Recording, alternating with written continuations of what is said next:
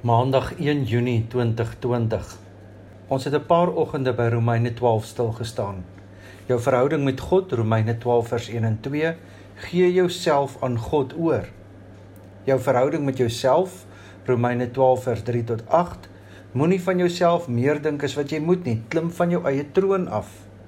Jou verhouding teenoor ander, Romeine 12 vers 9 tot 21, liefde teenoor ander en dan jou verhouding teenoor die owerheid en gesag. Deel van ons gehoorsaamheid aan God is ook ons gehoorsaamheid aan die owerheid wat God oor ons aangestel het. Romeine 13 vers 1 tot 7. Markus 12 vers 30 en 31 sê jy moet die Here jou God lief hê met jou hele hart en met jou hele siel en met jou hele verstand en met al jou krag. Die tweede is jy moet jou naaste lief hê soos jouself. Geen ander gebod is groter as die twee nie. Dit alles begin by oorgawe aan God, sê Romeine 12 vers 1. Jy is vrygekoop en vrygespreek deur God. Leef dan vrygespreek. Nou vat Paulus dit nou nog verder. Romeine 13 van vers 8 af. Julle moet niemand iets verskuldig wees nie, behalwe om mekaar lief te hê. Wie sy medemens liefhet, voer die hele wet van God uit, al die gebooie. Jy mag nie egbreek pleeg nie, jy mag nie moord pleeg nie, jy mag nie steel nie, jy mag nie begeer nie, of watter ander gebod daar ook al is, word immers in hierdie een gebod saamgevat. Jy moet jou naaste lief hê soos jouself. Die liefde doen die naaste geen kwaad aan nie.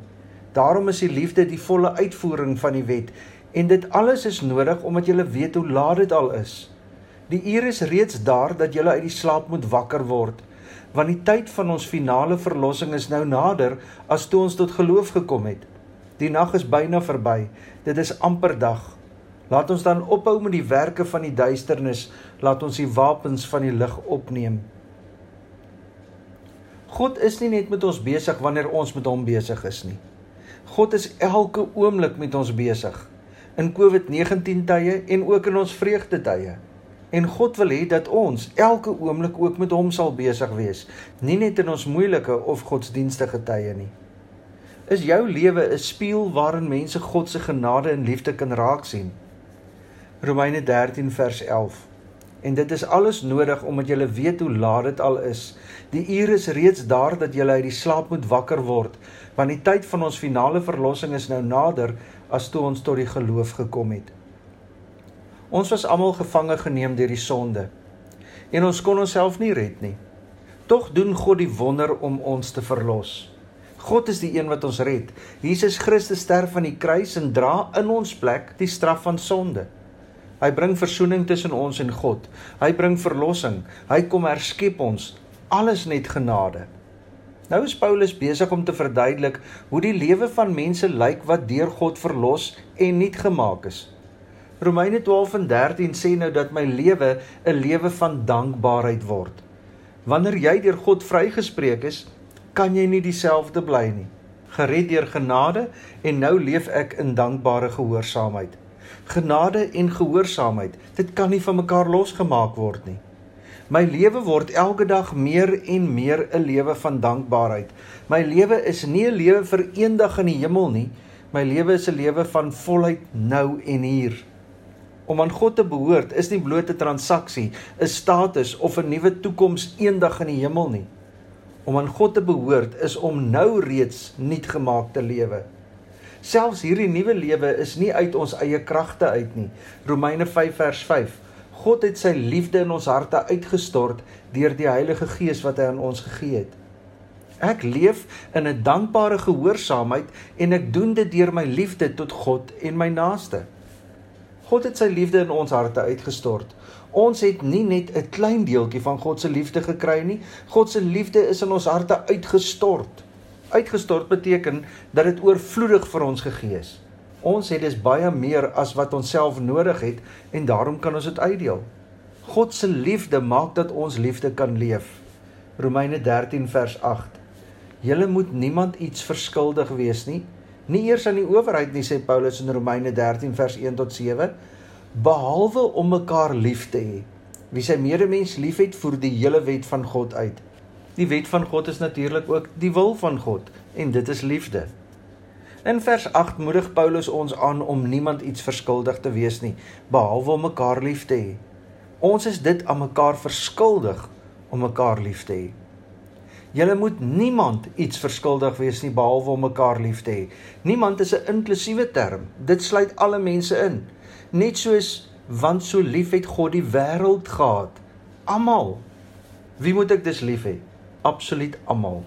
In Jesus se gelykenis oor die barmhartige Samaritaan is my naaste elke persoon met wie my pad kruis, wat my nodig het. Die vraag is nie wie is my naaste nie, maar vir wie word ek geroep om naaste te wees?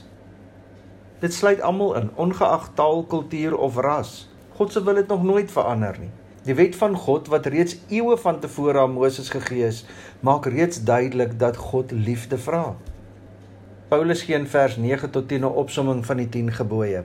Al die gebooie, jy mag nie egbreek pleeg nie, jy mag nie moord pleeg nie, jy mag nie steel nie, jy mag nie begeer nie of watter ander gebod daar ook al is, word immers in hierdie een gebod saamgevat. Jy moet jou naaste lief hê soos jouself. Die liefde doen die naaste geen kwaad aan nie. Daarom is die liefde die volle uitvoering van die wet. En daarom beklemtoon Paulus die volgende sake: Jy mag nie egbreek pleeg of doodslaan of steel of vals getuienis gee of begeer nie, want dit vat liefde weg. Dit vernietig my oorgawe aan God en aan my naaste. My nuwe lewe in Christus is liefde. Liefde doen nie naaste geen kwaad aan nie. Dis negatief gestel, maar die liefde is die volle uitvoering van die wet. Dis positief gestel. Om lief te hê beteken dus dat ek niks slegs teenoor ander mense rondom my sal doen nie, maar dit vra ook van my dat ek net goed teenoor hulle sal doen.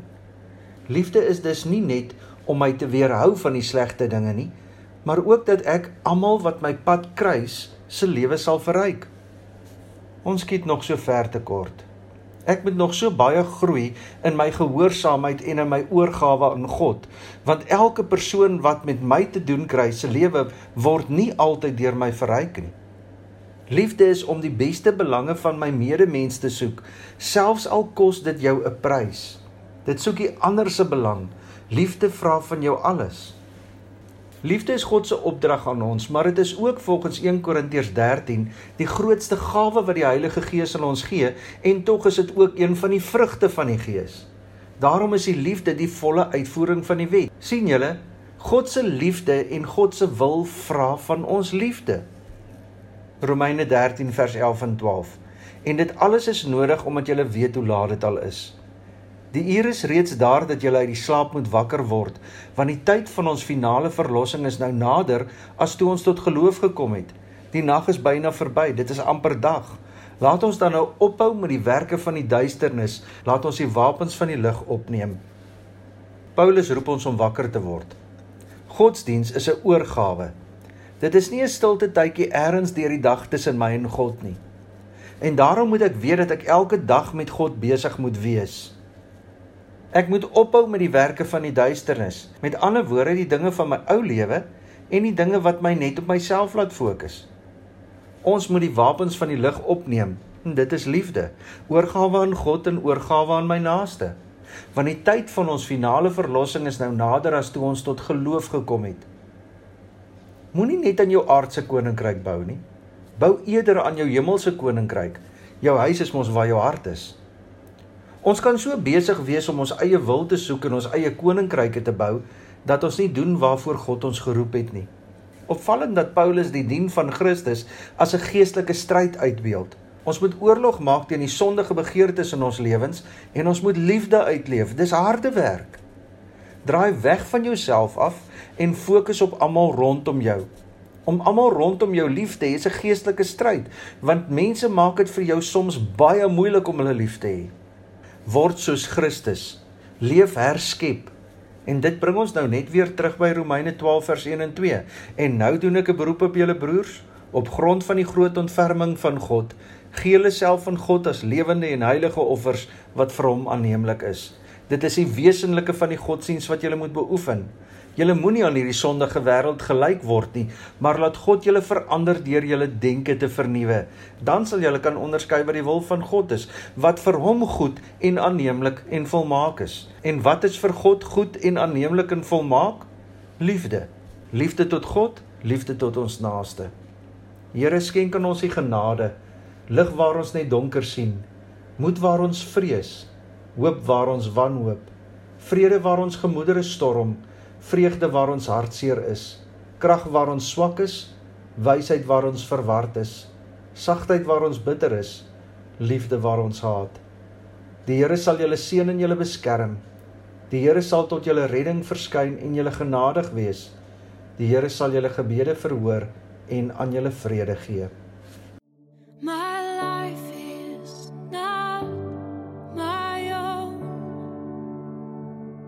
It belongs to you. I belong to you.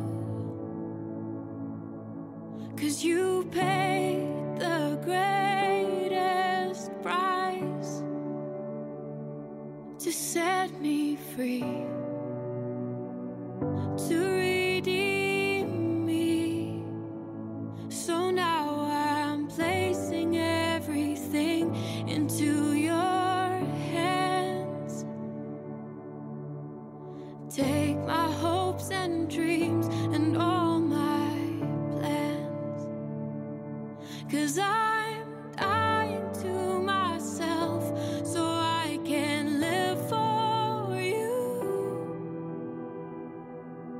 Jesus, I'm gonna live for you. I'm gonna live for you.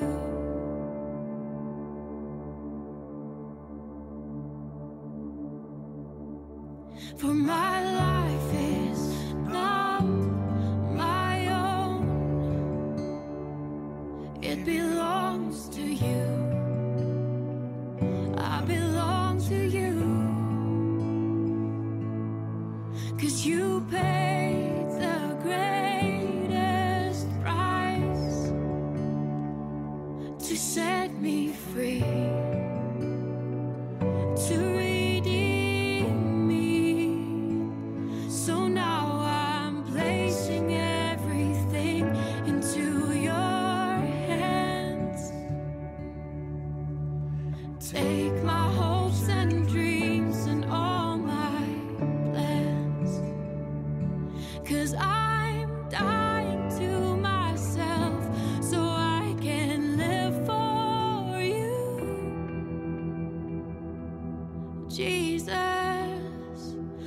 trying to live for